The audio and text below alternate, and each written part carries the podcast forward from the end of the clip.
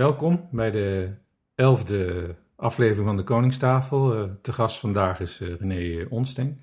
Welkom René. Ja, welkom. Fijn. Ja. Een eer om hier te mogen zijn. Geweldig. Ja, fijn dat je bent. Ja. Als ik dingen over jou lees, dan gaat er heel veel over voeding.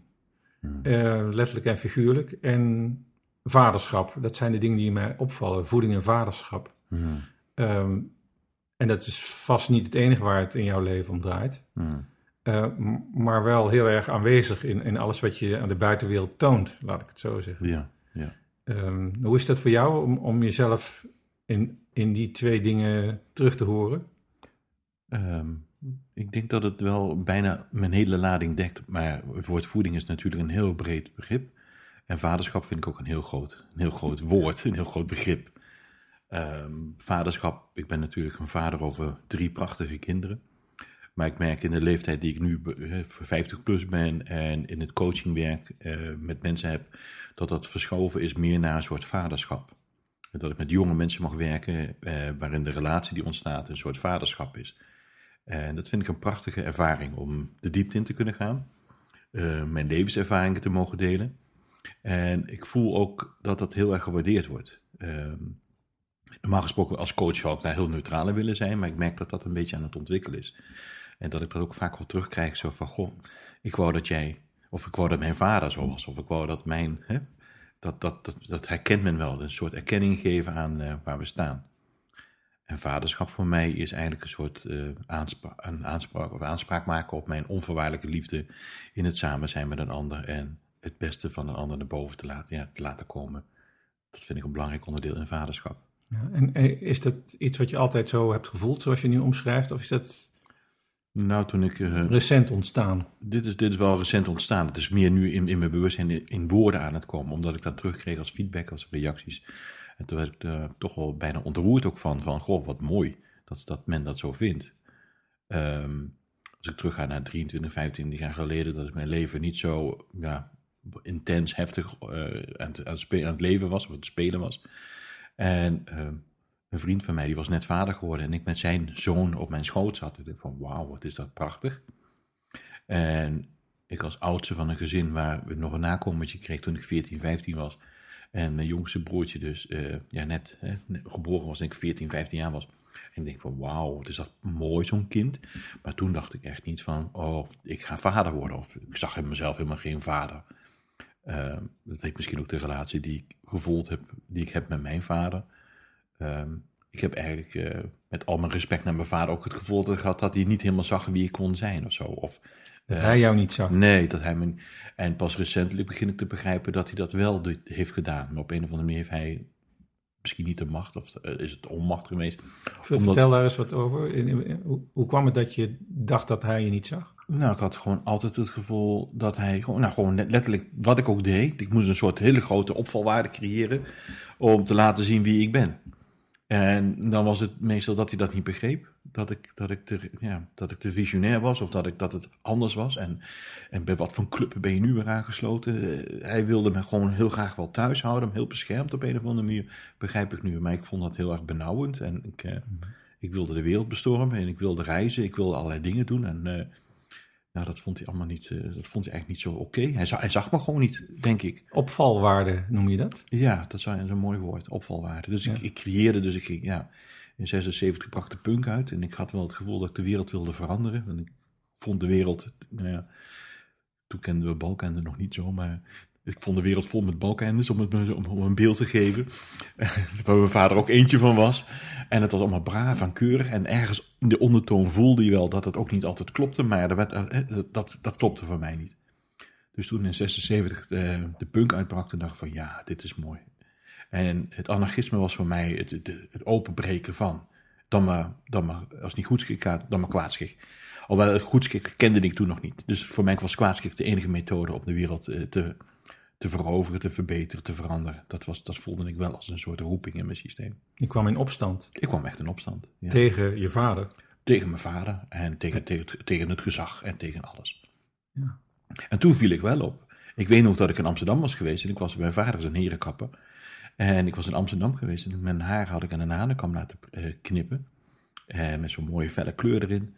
En zo'n hele grote lange jas, die die man altijd op de Solex aan heb. Ik weet niet hoe die jas heet, zo'n zo'n lange leren jas. Ja, dat vond ik helemaal cool. Dat kostte toen een paar gulden. En ik kwam thuis en een grote bril op. En ik, om bij ons thuis, in ons privéhuis te komen, moesten we altijd door de winkel van mijn vader heen om de trap op te gaan. Er was wel een weg, dan moest je helemaal om, achterom, via de poort. En ik kwam de deur in en mijn vader eerst zei van, uh, uh, wil, je, wil je naar buiten gaan? Ik zeg, ik zeg gewoon, wat krijgen we nu? En ik dacht eerst dat hij me niet herkende, maar hij herkende me donders goed. Maar hij wilde ten, ten, van de volle van, van zijn zaak wilde hij niet toegeven dat ik zijn zoon was. En ik werd er gewoon uitgestuurd, echt uitgestuurd. En dat voelde echt als een zo'n verraad. Terwijl ik in een soort trots kwam van, kijk wat ik nu ontdekt heb, dit gaat het worden. We gaan de wereld, we gaan de wereld beter maken. Nou, toen mocht ik dus al die tijd niet meer door de voordeur heen. Dus als ik zo eruit zag, dat heeft me wel heel erg geraakt. Ja. Maar ik was aan de andere kant ook wel blij dat hij in één keer de dag zag dat ik zijn oudste zoon was. En uh, dat we in gesprek kwamen. Het waren niet prettige gesprekken, maar puberale, krachtige, uh, tegen een boze. En jij weet het niet en jij snapt het niet. Nee, jij dan en bla bla bla. Uh, dat, soort, dat soort verhalen krijg je dan. Maar um, toen heb ik wel een tijd gehad dat ik even het gevoel had dat, het, we elkaar zagen. Maar dat was, na een jaar of twee, drie was het weer over.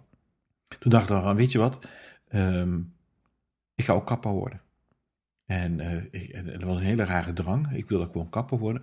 Ik wilde niet he alleen herenkapper zijn, maar ik wilde ook dameskapper zijn. En ik wilde eigenlijk, uh, ik wilde gewoon beter zijn dan hem. Ik wilde hem gewoon voorbij. Waarom? weet niet. Het was gewoon een drang in mezelf. Ik weet niet waarom dat was. Het was een, ik denk om, om die opval, uh, opvalwaarde te creëren. Om te laten zien dat ik, dat, ik, dat ik er ook toe deed of zo. Je wilde een beter mens zijn of een betere kapper? Ik denk misschien een betere mens. En, en, en ik wilde eigenlijk gewoon van hem te horen van, nou zoon, uh, wat ben je een prachtmens? Wat doe je, wat doe je uiteindelijk goed? En ja. nu ging ik echt overcompenseren. En schreeuwde je eigenlijk om de hele tijd? Ik schreeuwde daarom. En uh, het, heeft echt, het is nog niet zo lang geleden. Ik denk een jaar of twaalf geleden. Dat ik op een gegeven moment. Ik dronk toen koffie en thee en zo. En ik ga bij mijn ouders thuis op de bank. En um, ik bracht mijn kinderen naar school. Die zaten daar in de buurt op school. En dan ging ik achter de krant zitten. Ik had zelf al jarenlang geen krant meer gekocht. Maar ik las altijd de krant bij mijn vader dan. In de zaak of boven. En dan zat ik de krant te lezen en dan kwam mijn vader er zo de huiskamer in en naar de keuken. En zei ik, nee, ook koffie? En zei ik, ja, is goed. En zei hij, melk en suiker? En dan zat er altijd een zucht in mijn systeem zo van, ja man, uh, het is al meer dan, 30, meer dan 20 jaar melk en suiker. Ja, doe maar, melk en suiker. En soms zelfs lichtelijke cynische ondertoon, ja, nee, dat is nieuw, doe maar melk en suiker. En hij gaf daar nooit een reactie op en hij deed het altijd. En ik weet niet waarom het was, maar ik realiseerde me in één keer dat ik een krant had en dat die krant letterlijk en figuurlijk tussen mij en hem in zaten. En dat dat, dat dat zijn vraag was gewoon een manier om contact met mij te krijgen. Dus toen ik de krant maakte, nee. En hij dezelfde vraag stelde en hij me aankeek, melk suiker, met in de, in de klank van dit, dit, ik weet het gewoon, ik weet het wel. En toen heb ik ja gezegd. En daarna heeft hij dat nooit meer gevraagd. En dat, dat, ik heb me nooit zo verbonden gevoeld als dat moment met hem. En dat was voor mij nieuw. Dus ik denk niet dat ik hem de schuld moet geven, maar dat als het over schuld geven daarin hebben, dat soort situaties. Maar meer mezelf, dat ik gewoon het totale verkeerde beeld heb gehad. Al die tijd, letterlijk, figuurlijk, over hoe hij mij heeft kunnen zien of niet heeft kunnen zien. We hebben niet echt hele diepgaande gesprekken, maar we zien elkaar wel. En Annemiek, mijn partner, zegt altijd, als jij aan het praten bent, op een feestje of een verjaardag, dan zit hij altijd aan de zijkant van je. Ik kan hem dus nooit zien. Maar hij zit echt, ja, hij zit te smullen. Hij zit te smullen met alles wat je zegt. Hij snapt het niet ergens, maar hij smult er wel van. En nou, ik ben, toen ik uit, eenmaal uit, in die tijd dat ik kapper was, ja, dat vond hij wel interessant. Ja, hij, was, hij is gewoon een traditionele herenkapper en die vroeg toen 10 gulden, geloof ik, voor een, voor een knipbeurt. En ik vroeg 150 gulden. Dus dat, ja, er zat best wel verschil in natuurlijk. Dat had hij zoiets van, ja, nou ja, dat moet jij weten. En, uh, maar is het dan zo verbeterd wat jij doet of wat ik doe? Nee, mm. de mensen willen dit gewoon graag op die manier krijgen. Dus nou, dat vond hij wel interessant. Mm. En ik moet je eerlijk zeggen, zijn in, in, in de volksbuurt waar hij zijn zaak heeft zitten. En waar dan zaterdagochtend om 7 uur al 10, 15 klanten van die mannen de zaak inkwamen. En mijn, mijn slaapkamer vroeg en mijn jeugd lag tegen die zaak aan. Dus ik, kon, ik werd altijd wel gestoord wakker van, van, van de geluiden. Maar gelijktijdig was het altijd heel gezellig. Het was een soort kroeg zonder alcohol, waar de mannen dan allemaal gesprekken hadden. En mijn vader daar de boventoon in had. En een soort, soort, ja, een soort, soort gezelligheid, een soort buurt, buurtontmoetingsplek was het. En dat al zaterdagochtend om zeven uur vroeg. Een soort genootschap. Ja, een soort genootschap. En, en ja, dus er is ontzettend veel waardering nu, merk ik. Mijn vader werkt nog steeds. Hij is 78 of 79. Mm -hmm. Hij was al met zijn zestiende was hij al ondernemer. Dus ik denk dat hij de, de boeken ingaat als een van de oudste ondernemers van, van Nederland. Dat is niet niks. En hij werkte eigenlijk al vanaf zijn ja, achtste, negende jaar in de zaak. Dat had natuurlijk met de oorlog te maken. Dus die man die werkt al ja, zijn hele leven met, met ja, en hij vindt dat heerlijk. Hij vindt het heerlijk om met mensen in verbinding te zijn. En wat, wat heeft de ommekeer veroorzaakt? In mij of in hem? Ja, in jullie relatie? Ja, misschien ook wel mijn vaderschap. Dat eerste moment dat ik vader werd ook. Toen ik begreep in één keer dat het allemaal niet zo makkelijk was. Eh, eh, om, om een kind continu te kunnen zien. En dat ging de eerste vijf, zes jaar ging dat helemaal goed. Eh, tenminste, ik zag mijn kind en ik had het gevoel dat, we, dat ik volledig verbonden was met mijn kinderen ook. En dan komen de kinderen langzaam in de puberteit. En mijn dochter hield me op een gegeven moment een hele krachtige spiegel voor daarin. vertel eens. Nou, ehm, ik dacht altijd dat ik heel erg open en heel erg ruimhartig was. En dat ik, dat ik altijd aanwezig was. Maar ik realiseerde ook dat ik wel periodes heel veel gereisd had. En door werk soms ook een paar maanden niet thuis was. En dat mijn dochter me dat op een of andere manier kwalijk nam. Zo van, nou ja, uh, je zegt dat altijd wel zo. Maar ik heb, je echt wel, ik heb je echt wel gemist. Ja, je bent er altijd wel. Maar ik, je moet, op een of andere manier hoor ik je altijd met mensen praten. Gaat het altijd heel diep. En mij laat je altijd liggen. En toen dacht ik van, wauw is dat gewoon zo. Terwijl ik juist bij haar, ik altijd het gevoel had van, nou ja, weet je, ze wil niet zo diep, maar dat is zo'nzelfde dans. En toen herkende ik eigenlijk wel, en dat was in diezelfde tijd dat het ook met die krant bij mij gebeurde, zo van, hé, is interessant. Dus ik kan andere mensen ook kwalijk nemen, maar wat is dan mijn stuk? Hoe ver kan ik mezelf zien? In hoeverre, als ik mezelf kan zien, kan ik een ander ook zien. Dus dat, dat werden voor mij nieuwe aspecten in het leven. Dus dat is wel een beetje de ommekeer geworden ook, ja. En toen was je nog kapper? Nee, nee, was al, ik ben, ik ben, ik ben 4,5 jaar, 5 jaar lang intens kapper geweest. Met, met, een, paar, met een partner samengewerkt, vier kapperszaken in, in een dikke grote straal om mijn vader heen. Uh, maar ja, toen dacht ik, ja, dit is, dit, dit is, niet, dit is het niet. Um, het ging uit, om het uiterlijk uiteindelijk, merkte ik kapperschap. En mijn, en mijn kwaliteit lag meer op het innerlijke. En ik vind het wel van belang dat het uiterlijk in orde is. Ik hou van schoonheid. Maar dat is natuurlijk een heel subjectief iets, schoonheid. Maar schoonheid is, wordt pas mooi als het innerlijke ook werkelijk mooi is. Dus ik merkte in die dure kapperszaken wat ik werkte met prachtige mensen waar je dan de haren mee deed. Maar als je ze aankeek, dan zag je gewoon verdriet. En dan zag je uh, ja, pijn. En, dus, en, ik kon het niet laten op een of andere manier om dan te vragen, goh, en dan kwam dan een soort, soort, soort reactie op. En uiteindelijk merkte ik dat ik meer een soort psycholoog aan het worden was. En dat ik dat eigenlijk interessanter vond dan met de uiterlijk van haren bezig te zijn. Dus zo ben ik heel langzaam in omscholingen. Eh, ik, ik, vond parapsychologie interessanter als de traditionele eh, psychologie. Dus ik ging me meer met dat soort dingen bezighouden. Ja, ja dus uiteindelijk stond ik niet met te knippen, maar dan stond ik meer, meer wat je nu coaching zou noemen, eh, te doen. En dan was dat, was dat haren knippen was een bijzaak. Ja, en, en eigenlijk kwamen ze misschien daar wel voor. Waarschijnlijk kwamen ze voornamelijk voor daar, ja. ja. Ik had het geleerd in Engeland bij Fidel Sassoon. Fidel Sassoon is een beroemde Engelse kapper, die uiteindelijk in Hollywood en, uh, en ook een hele grote champolin had. En Fidel Sassoon was een kapper die ontzettend mooie kapsels kon maken, waarvan hij pretendeerde dat deze kapsels perfect bij die vrouw pasten, zoals ze hoorden te zijn. En hij had een hekel aan haarlak en dat soort producten, want hij vond, en dat was in toch wel een beetje anders dan de andere Engelse mannen in uh, dat je bij een vrouw, als je, als je lekker gevreden had met een vrouw, dat de vrouw alleen maar hun haar hoefde te schudden en dat ze er nog net zo mooi uitzagen als daarvoor. Of misschien nog mooier eruit zagen als daarvoor. Dat, was, dat, dat, dat, dat zei hij. Dus, uh, dus het kwam bij hem echt op het knippen en niet op de permanent. Het kwam niet op de lak en op allerlei, allerlei toestanden. Het haar moest zo geknipt worden dat als het geschud werd, dat het altijd weer terugkwam in zoals het hoorde te zijn. Ik vond dat fascinerend. Ik was echt, was echt gefascineerd door zijn, uh, de manier hoe hij kijk had op mensen. En wat hij ook altijd deed, hij nam elke vrouw nam die apart voordat ze ging knippen in een soort kamertje. En dan ging hij echt de meest intieme vragen ook stellen. En, um, en dat viel voor mij wat kwartjes ook. Dat was wel een soort eye-opener, want ik had natuurlijk die punkperiode meegemaakt. Maar in de rebellie van, van punk en het loskoppelen van, van, van de samenleving... en gelijktijdig op zoek naar al die andere punks die er ook waren natuurlijk... want je gaat dan toch weer een, nieuwe, nieuw, een genootschap of een nieuwe groep eh, mensen creëren, merkte ik dat ik werd daar niet gelukkig eerlijk gezegd. Er was veel drank en er was veel drugs en, uh, en iets in mijn lichaam zei, dit is niet goed voor je, dit hou je niet vol. En ik had een vriend verloren aan een overdosis aan drugs. Oh. Uh, toen was ik 19 jaar of 20 jaar. Vriend, tenminste een, een compagnon in, in de punk waarin we samen in een huis zaten. Die verslikte zich letterlijk in een, eh, in een programma spiet die hij snoof en zijn tong sloeg naar binnen. En dat was een afschuwelijke dood. En toen had ik iets van, dit wil ik nooit meer. Dit wil daar was je bij? Daar was ik bij. Dat heeft zoveel indruk gemaakt op me. nou, ik had hier geen, daar, daar had ik geen zin meer in om dat, om dat te moeten beleven. Maar wat dan wel? Nou, ik, ik wist het gewoon niet. En toen werd mijn lichaam, werd mijn lichaam werd gewoon ziek. Vertel eens.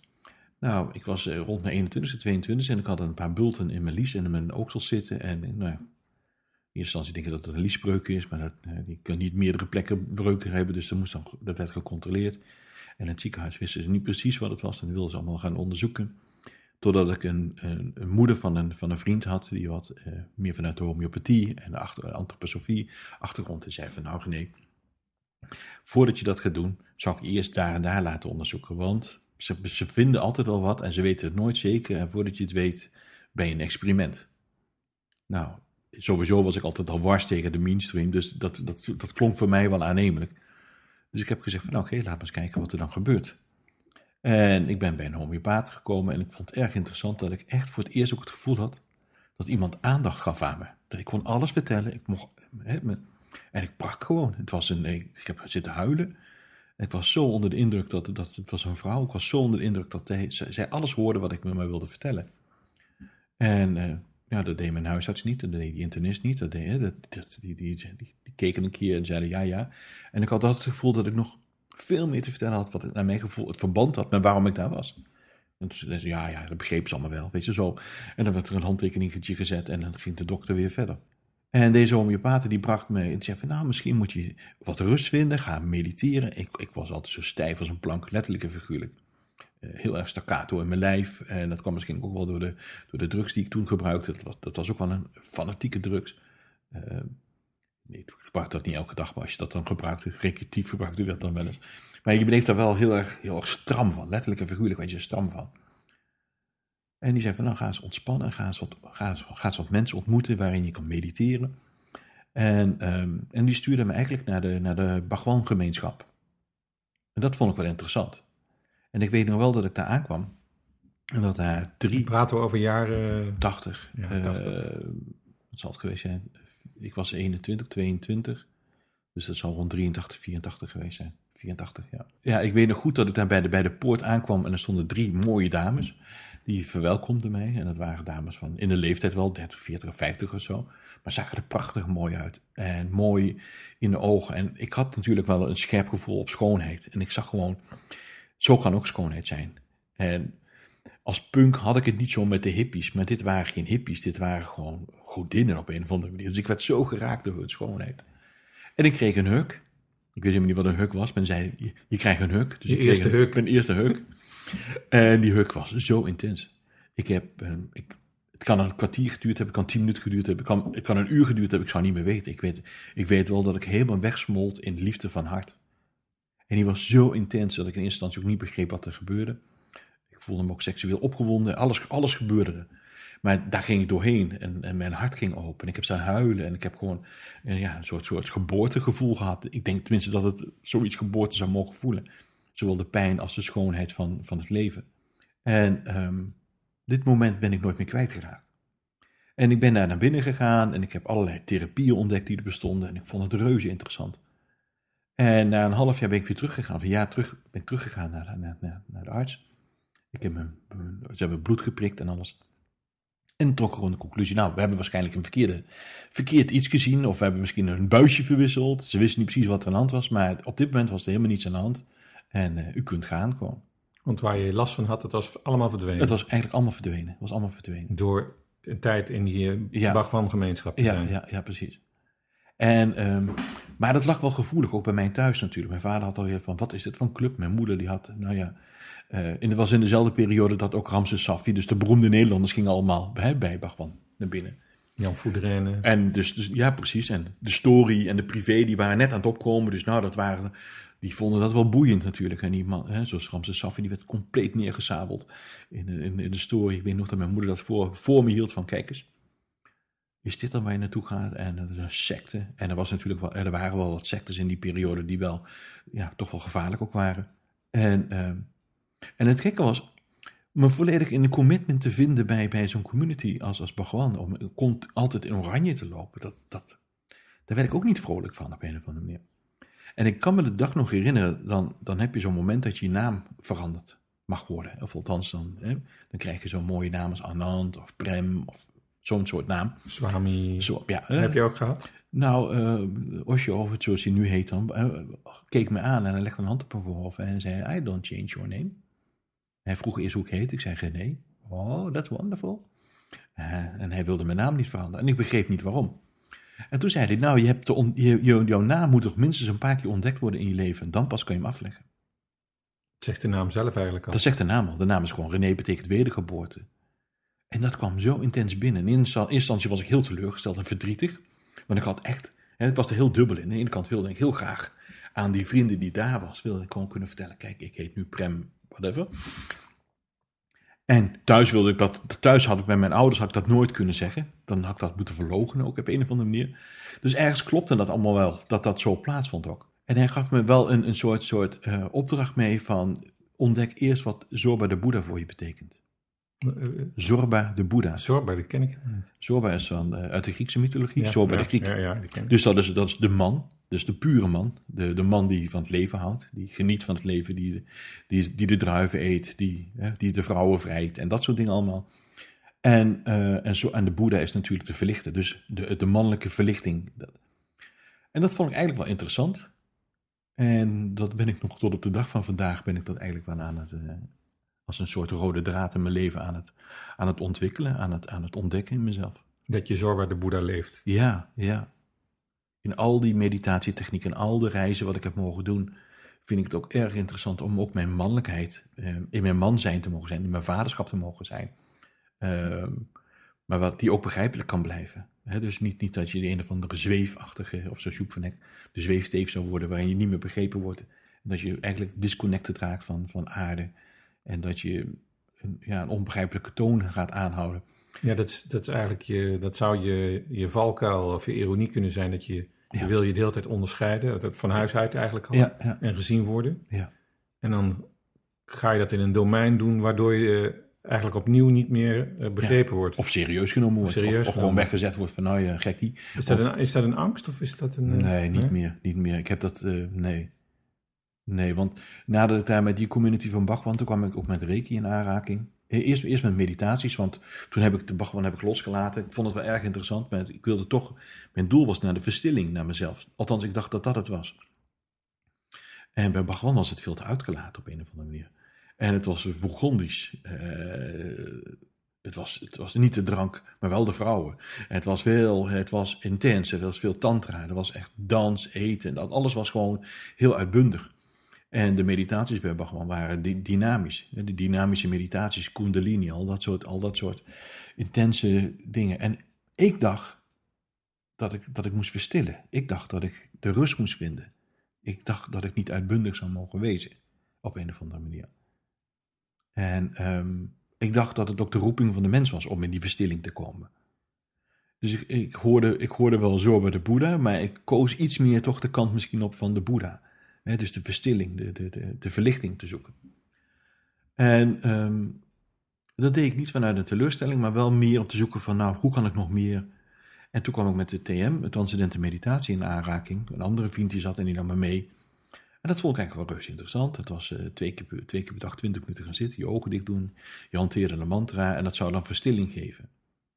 En daardoor mantreerde je als het ware alles wat, wat met, het, met het dagelijks leven te maken had. En, maar ik werd daar heel mager van en ik werd er ook heel wit van. Ik bleek heel bleek te zijn in die tijd. Mijn ouders maakten zich geloof ik iets meer zorgen in die tijd over me.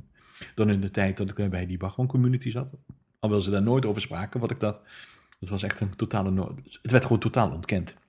Hm. Dat vond ik wel interessant.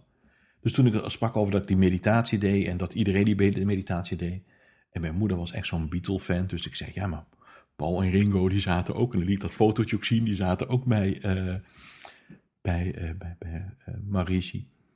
En eh, dan is dat toch goed? Nou, nou, nou, het was ook de tijd dat hun eigenlijk met LSD en alles helemaal uit de kant flipte. Ik zei, nee, dit kwam daarna, ze hebben zich weer rust gevonden. Dus dat soort discussies had ik dan met mijn moeder wel.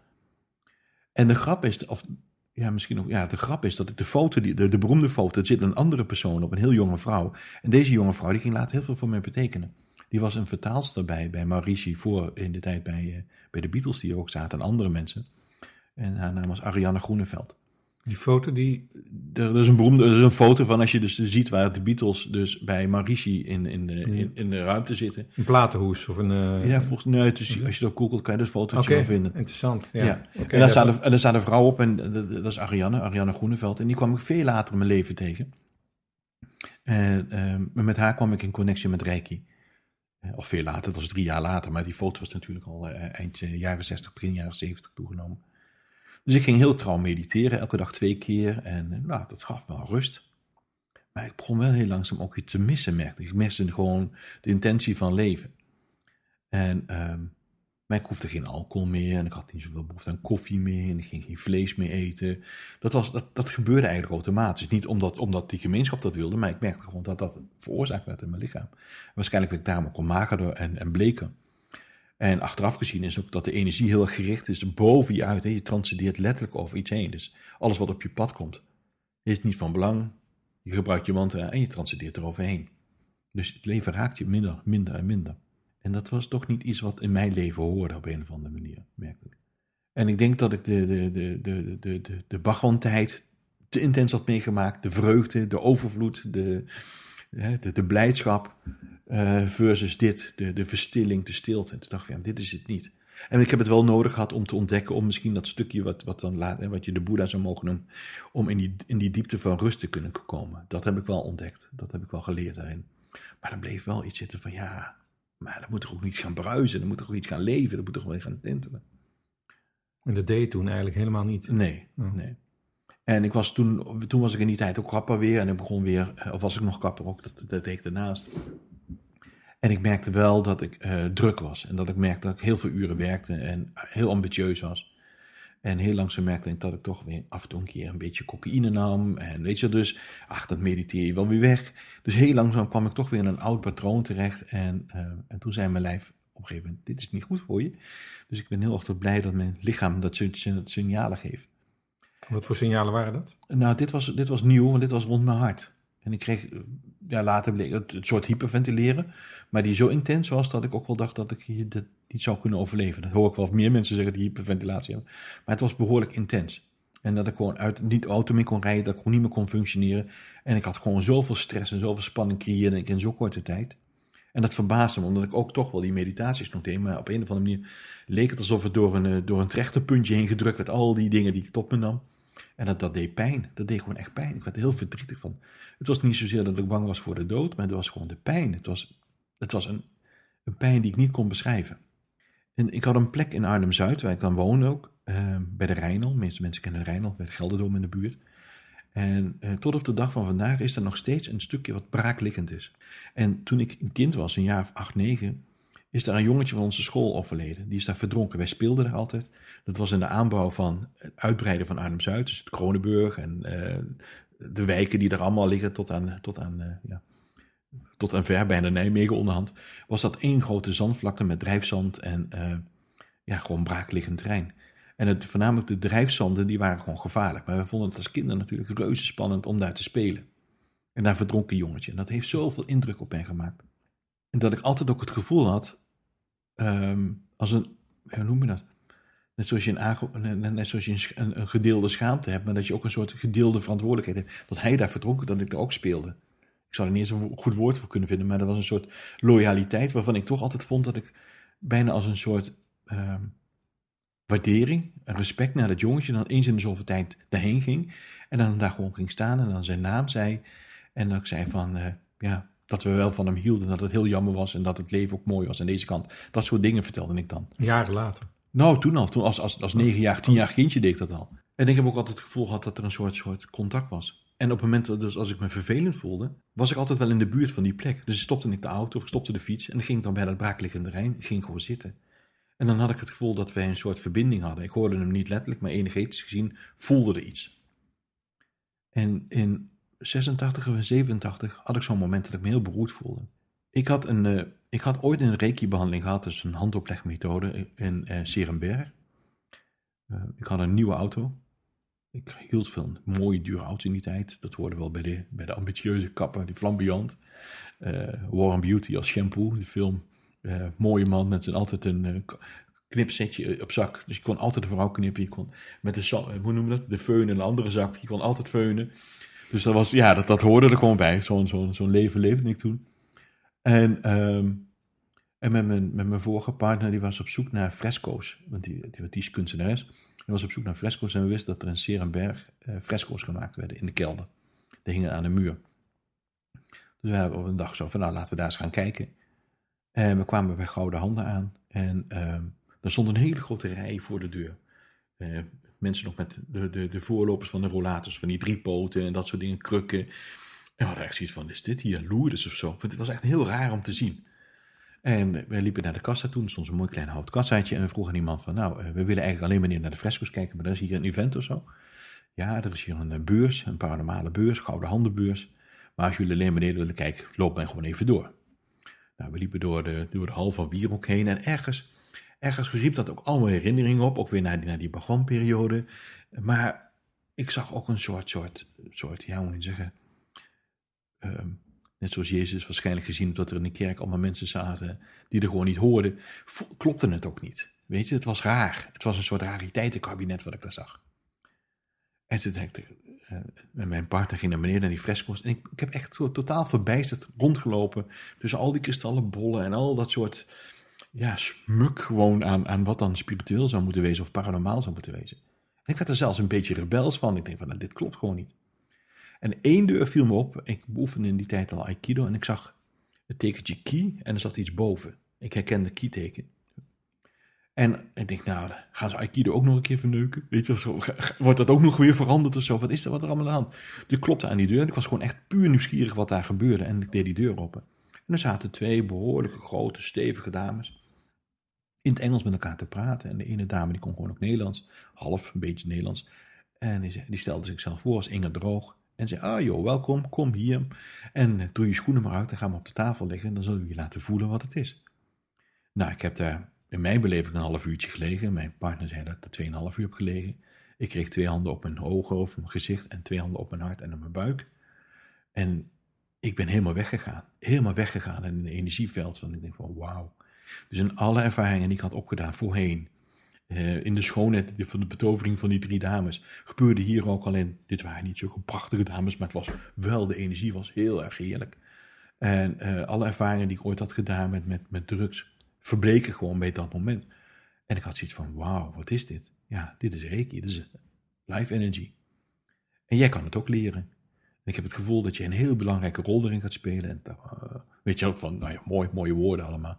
En ik kreeg een heel klein visitekaartje, handgetekende visitekaartje mee van Inge uit Den Haag.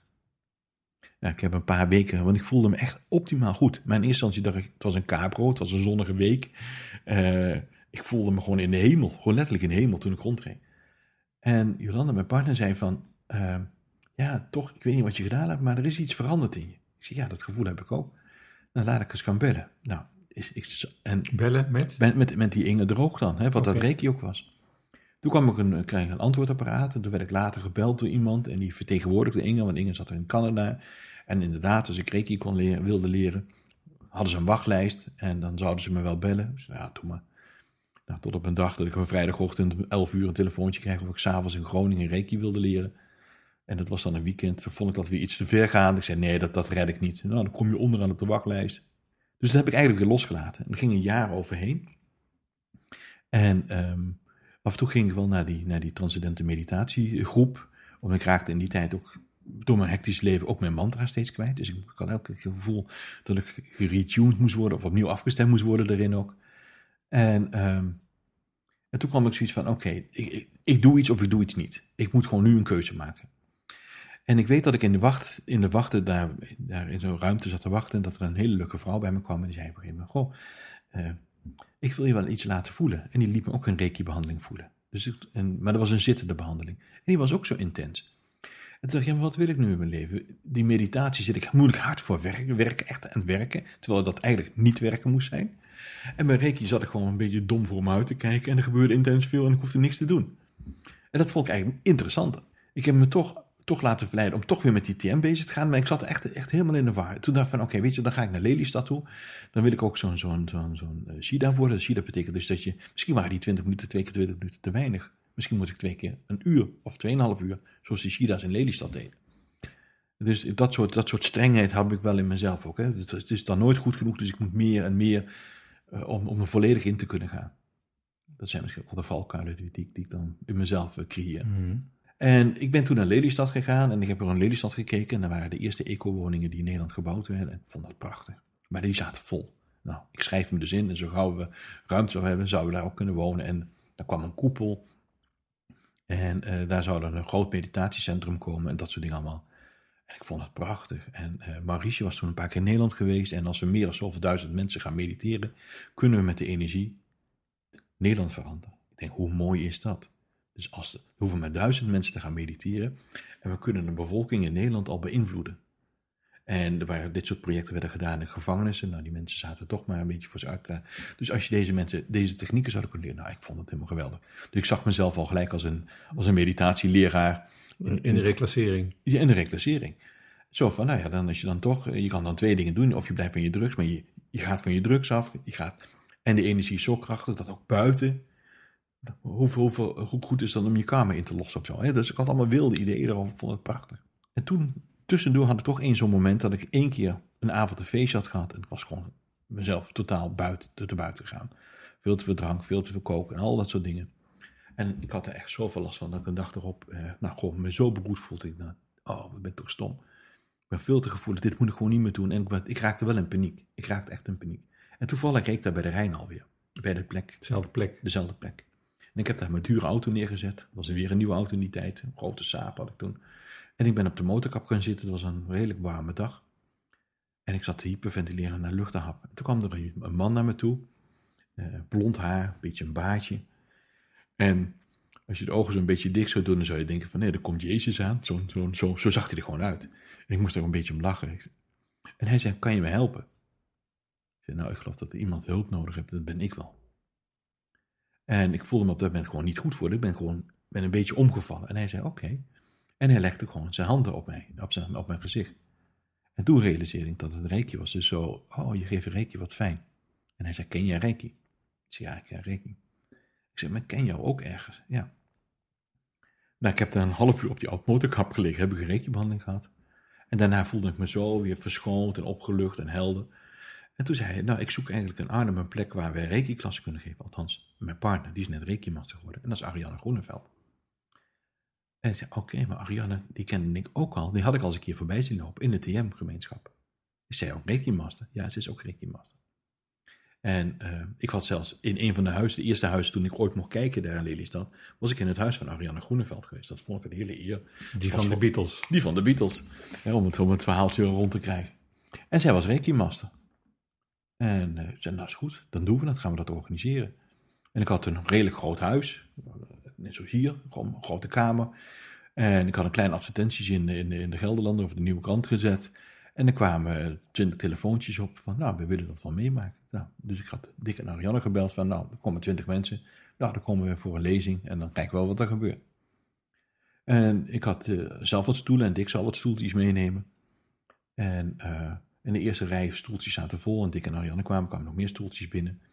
En Ariane, en, en bleef, de bel bleef maar gaan. Ding doen, ding doen. En er kwamen er steeds meer binnen. Dus Dick zei van, ik dacht dat er met twintig kwamen. Dus ja, daar hebben we er twintig opgegeven. En toen zat ongeveer wat er zat, zei van, oh, moesten we ons opgeven. En dat waren er al meer dan twintig. Dus uiteindelijk hebben we met 60 man in zo'n kamer als dit gestaan. Ik had gelukkig een klapdeur bij het raam achter, dus dat kon open. Dus half in de tuin, half binnen. En Ariane is daar zo middenin je kon twee kanten opkijken. Een woonkamer vol, een tuin vol met mensen. En die, het was zo fascinerend. Zo fascinerend. Ik denk van, wauw, dit, dit is wat ik ook wil. En ik realiseerde me heel zwaar opleggend naar mezelf, ja, maar voordat ik dit mag doen, heb ik nog een hele weg te gaan. Uh, daar kwamen drie reiki-klassen achter elkaar uit, die bij ons thuis plaatsvonden. En ik was zo onder de indruk van de diversiteit van de deelnemers. Kijk, in die Bagon-community waren allemaal een soort gelijke, soort, gelijke stemden wel internationaal, maar wel een soort gelijkgestemde. In de meditatie van de transcendente meditatiewereld vond ik ook allemaal een soort gelijkheid van gestemde mensen. En bij mijn Reiki, daar waren allemaal diverse mensen. Er zaten huisartsen, er zat, iemand die een pastoor was, er zaten moeders in, er zaten vaders in, er zaten werklozen in, er zaten junkies, er zat van alles in. En dat vond ik veel interessanter. Er was ook een kring En vanuit die kring, iedereen sprak vanuit, vanuit het hartniveau en dat verbond elkaar. Het voelde aan alsof, alsof Reiki een soort medicijn was, waar je dan over sprak. En dat was voor de een was het een chemokuur bijna, en voor een ander was het een soort vitaminepil. En nou, alles wat daartussenin zit, dat deed allemaal van die, dat soort dingen. En eerlijk gezegd, tot op de dag van vandaag snap ik nog steeds niet precies wat het is. Oh nee? Nee. Ik heb, ik heb wel, ik beoefen dit nu, even kijken, eh, meer dan 25 jaar, 26 jaar. En ik heb wel een tijd gehad, ik heb er ook les in gegeven. Uiteindelijk ben ik inderdaad ook mijn masterschap ingegaan. En ik heb heel veel mensen reiki mogen geven. In de, in de wens en in de hoop voor mezelf te ontdekken wat het nou precies zou kunnen zijn. Maar op de dag van vandaag weet ik het niet en ik vind het eigenlijk ook wel oké. Ik merk gewoon dat het plaatsvindt, dat het energie is. En dat die energie gewoon heel simpel aanwezig is op het moment dat je de handen oplegt. En dat er een soort verhoging van staat van energie gaat plaatsvinden. Het blijft iets fascinerends. Het blijft iets magisch bijna. Het, blijft, mysterieus is misschien het betere woord. Het heeft ook wel te maken dat, dat je dingen wilt kunnen behappen of kunnen, kunnen, kunnen, kunnen vastpakken of zo. Terwijl het ook gewoon mag zijn of zo.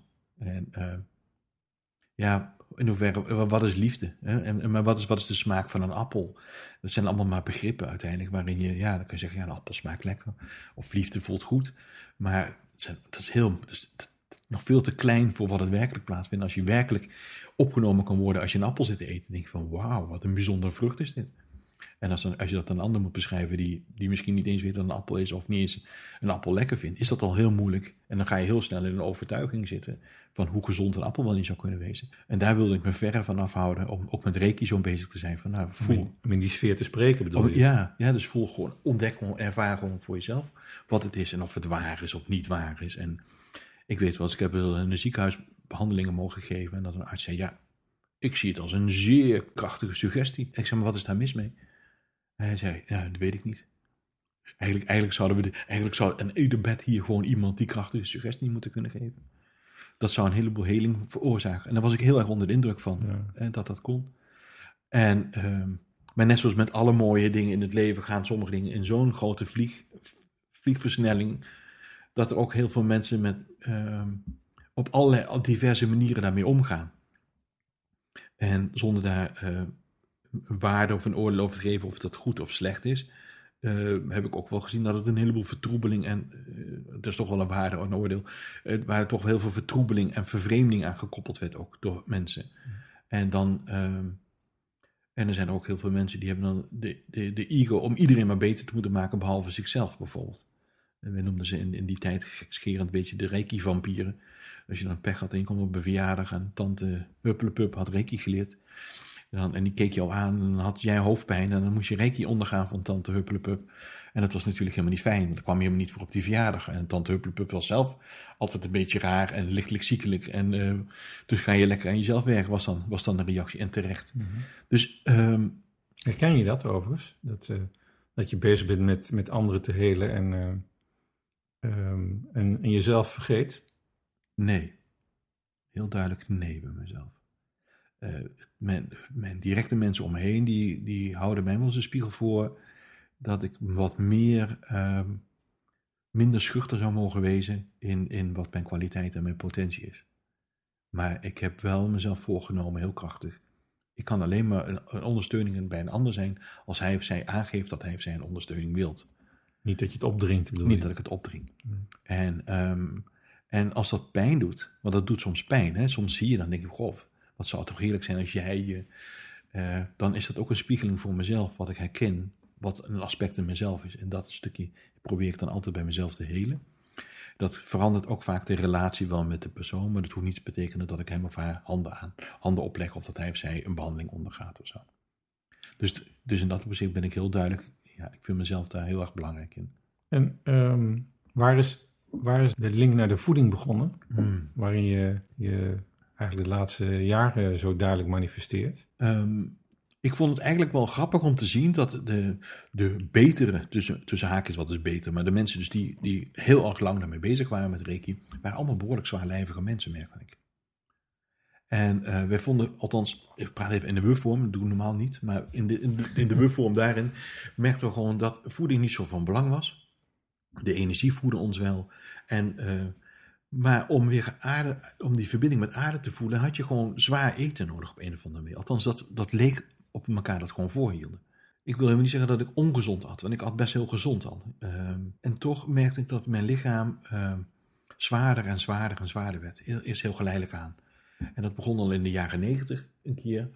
En toen ben ik heel fanatiek gaan sporten. En ik heb heel, echt gewoon strikt aan voeding gehouden. Fit for life en dat soort dingen allemaal. En dat ging eigenlijk wel weer heel snel terug. Dus ik heb in de tijd dat ik de transcendente meditatie had, was ik veel, was ik veel te dun. Was ik echt heel mager.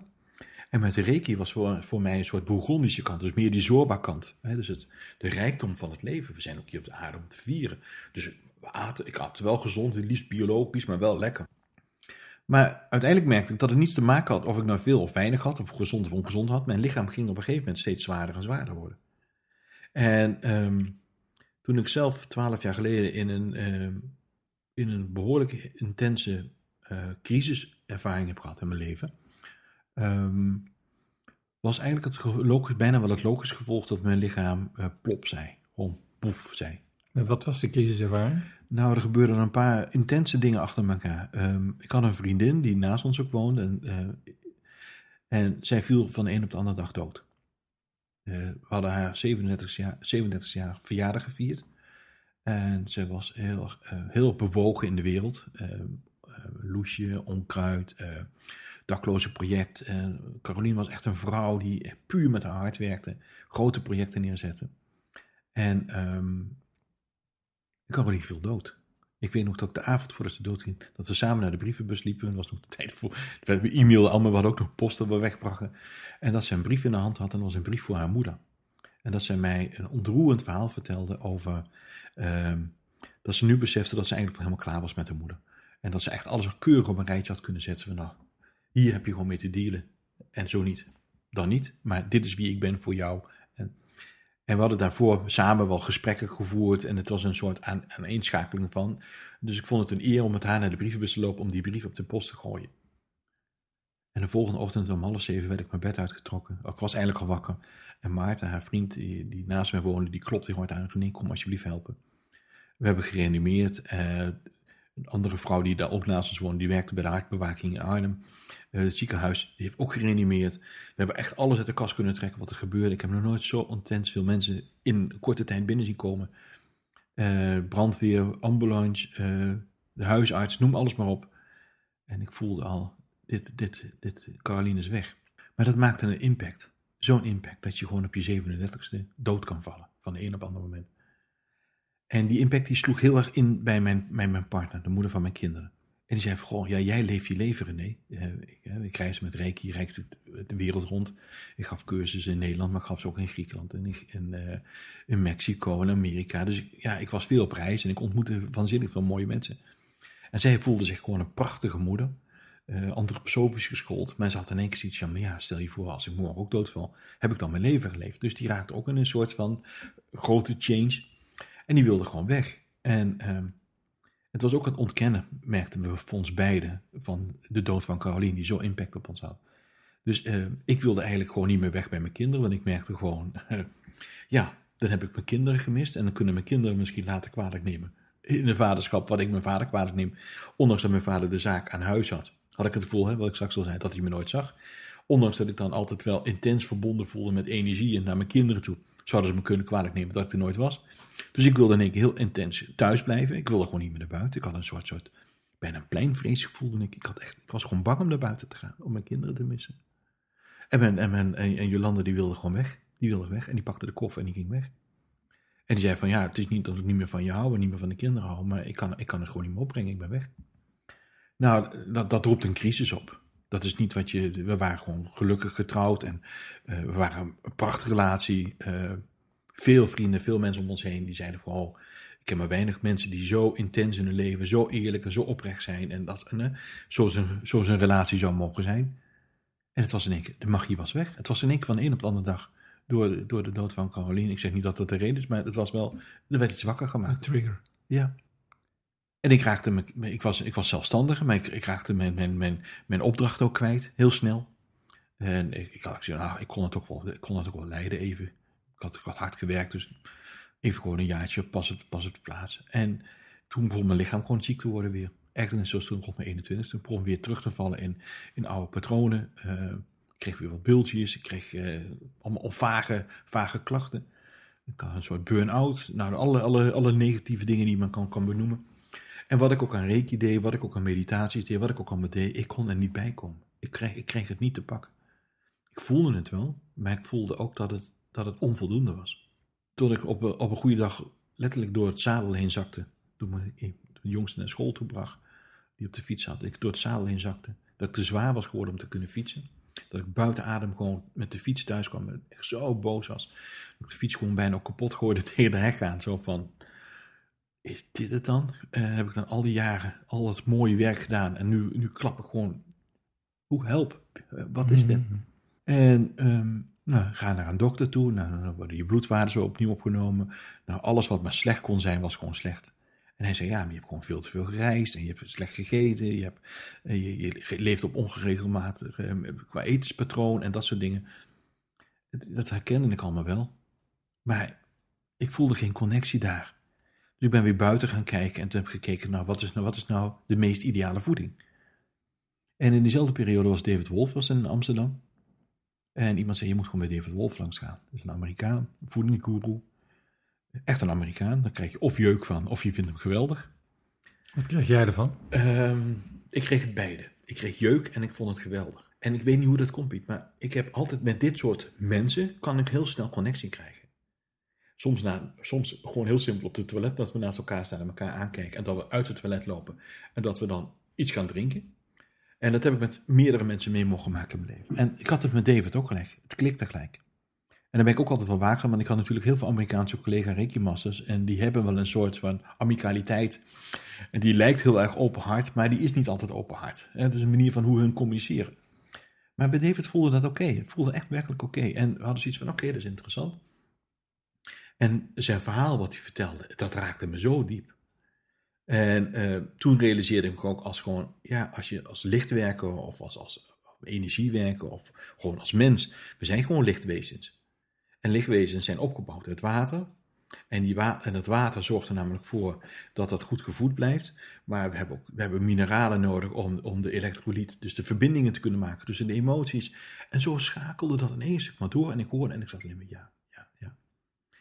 En mijn aller, allereerste vriendin, daar waren de ouders macrobioten van.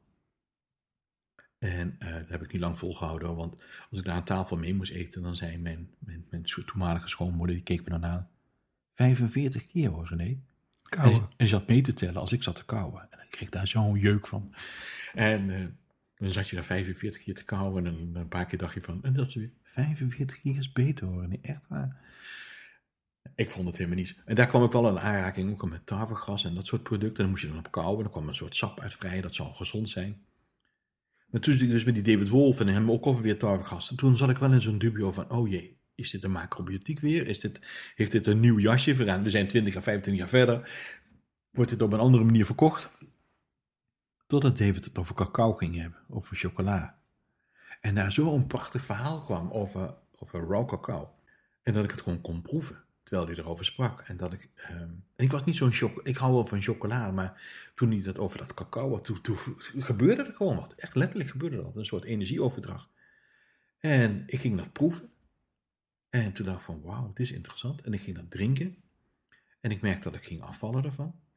En uh, niet alleen van dat, maar er was een aaneenschakeling van. En mijn voedingspatroon werd, werd steeds uh, En wat ik eigenlijk ontdek, en wat ik nog steeds ontdek, is dat uh, je kan verbinden met, met, met de voeding. Dus dat, kijk, misschien heb je wel eens een keer iets van een magical mushroom gebruikt. Dan merk je ook dat dat iets doet in je lichaam. En dan ga je letterlijk uit je dak. Dat verbindt dan dus een heel klein stofje, kan iets doen in je lijf, waarin alles in beweging gebracht wordt, waarin je buiten, buiten, ja, buiten jezelf reist als het ware. Maar dat doet een banaan ook. Alleen veel minder krachtig. En een spinazieblad doet dat ook, alleen veel minder krachtig.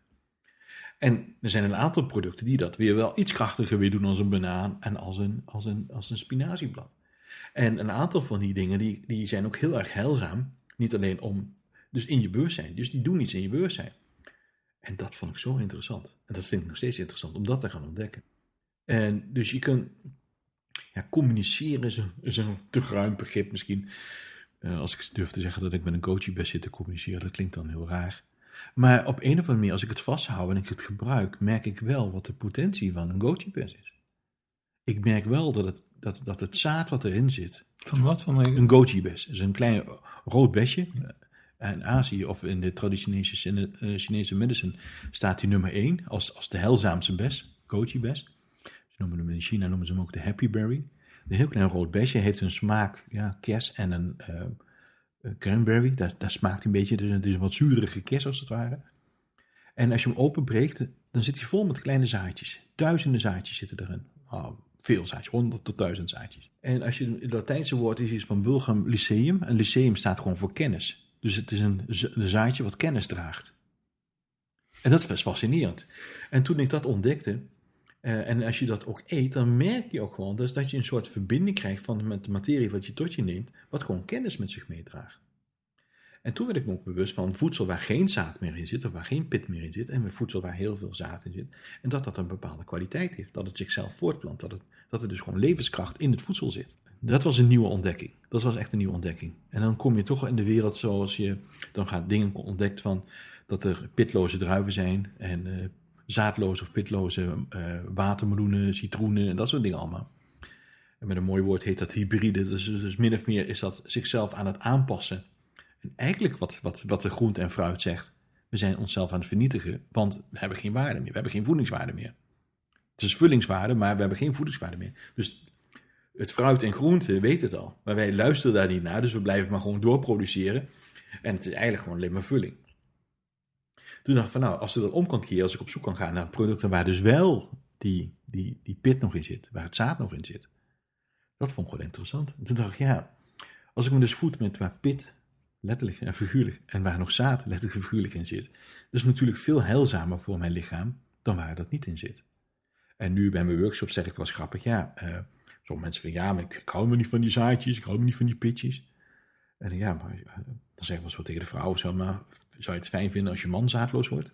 En dan begrijpen ze eigenlijk wel wat ik bedoel. Want het leven is er gewoon uit. Dus dan voed je alleen maar met iets wat vulling is. En, eh, en, ik, werd, en ik merk dat het een soort fijnstoffelijke energie is, beleving is als je dat eet. En dat ik daar steeds fijner, gevoeliger voor word. Dat ik dat ook steeds meer wil voelen en meer proeven. En eh, dat, dat, dat dit soort organismen dus een trilling heeft, met, met zich meedraagt. En de ene herken je wat sneller en de andere wat minder snel. En ik merkte dus dat daardoor ook vlees voor mij weer opnieuw een heel, een heel ander issue kreeg in het leven. Dat ik me nog meer bewust werd van ook de energie die vlees met zich meedraagt. En ik wil helemaal niet zeggen dat ik een strikt vegetariër ben, want als er af en toe iets van vlees, en het is biovlees, dan eet ik dat echt wel op. Maar uh, ik ben me wel bewust van dat voedsel een karma met zich meedraagt. Het leven heeft een karma, maar we onderschatten zo intens de, waar we ons dagelijks mee voeden. Het karma waar je mee voedt. En dat is, dat is wel wat ik de laatste jaren eh, elke dag dieper en dieper en intenser in ervaar. En gelijktijdig dat probeer te vereenvoudigen. Dus ik, wil, ik ben helemaal niet zeggen van dit is heel slecht in voeding. Ik wil alleen maar zeggen dit is heel goed. Is dat je boodschap? Ja, ja, dat is wel een van mijn boodschappen, ja. Mijn boodschap is wel dat we waakzaam moeten zijn waar we ons in voeden. Mijn, mijn concept ik nu gebruik heet food for the soul. Dus wat is de voeding voor mijn ziel? En dat is het fysieke voedsel. Dat is ook de emotionele voedsel. En dat kan zijn met welke mensen wil ik me verbinden. Ja, naar welke tv-programma's kijk ik nog? Welke kranten lees ik nog? Of überhaupt wil ik nog wel kranten lezen? Want het is allemaal voeding voor je ziel. En ik merk wel steeds meer hoe minder ik naar journaals hoef te kijken. Want ik begrijp steeds meer, als er werkelijk iets ernstigs gebeurt op de wereld, dan hoor ik het wel. Ik volg wel het sociale media, dus ik, als, dan lees ik wel in Twitter als er iets ernstigs gebeurd is. En ergens die berichtgeving, die vertrouw ik steeds meer.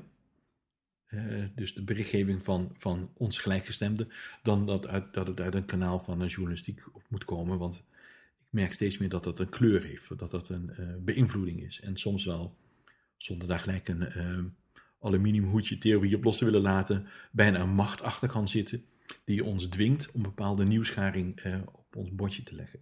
En ook ons voeding ja. op dat manier op het bordje te krijgen. Dus, dus wees waakzaam waar je je mee voedt. Absoluut. Op Absoluut. alle fronten. Absoluut. Dus als ik mensen bij mij de workshop verlaten, zal ik nooit zeggen van nou, doe dit is de enige manier. Maar ga ontdekken en probeer te communiceren. Probeer verbinding te krijgen met wat je eet. Voel gewoon wat, wat is de boodschap wat ik eet. Um, want voeding is meer dan alleen maar de, de proteïne en de calorieën en de vitamines en dat soort dingen. Dat is een onderdeel daarvan. En wat, wat levert ons dat op als we dat doen? Als we waakzaam zijn?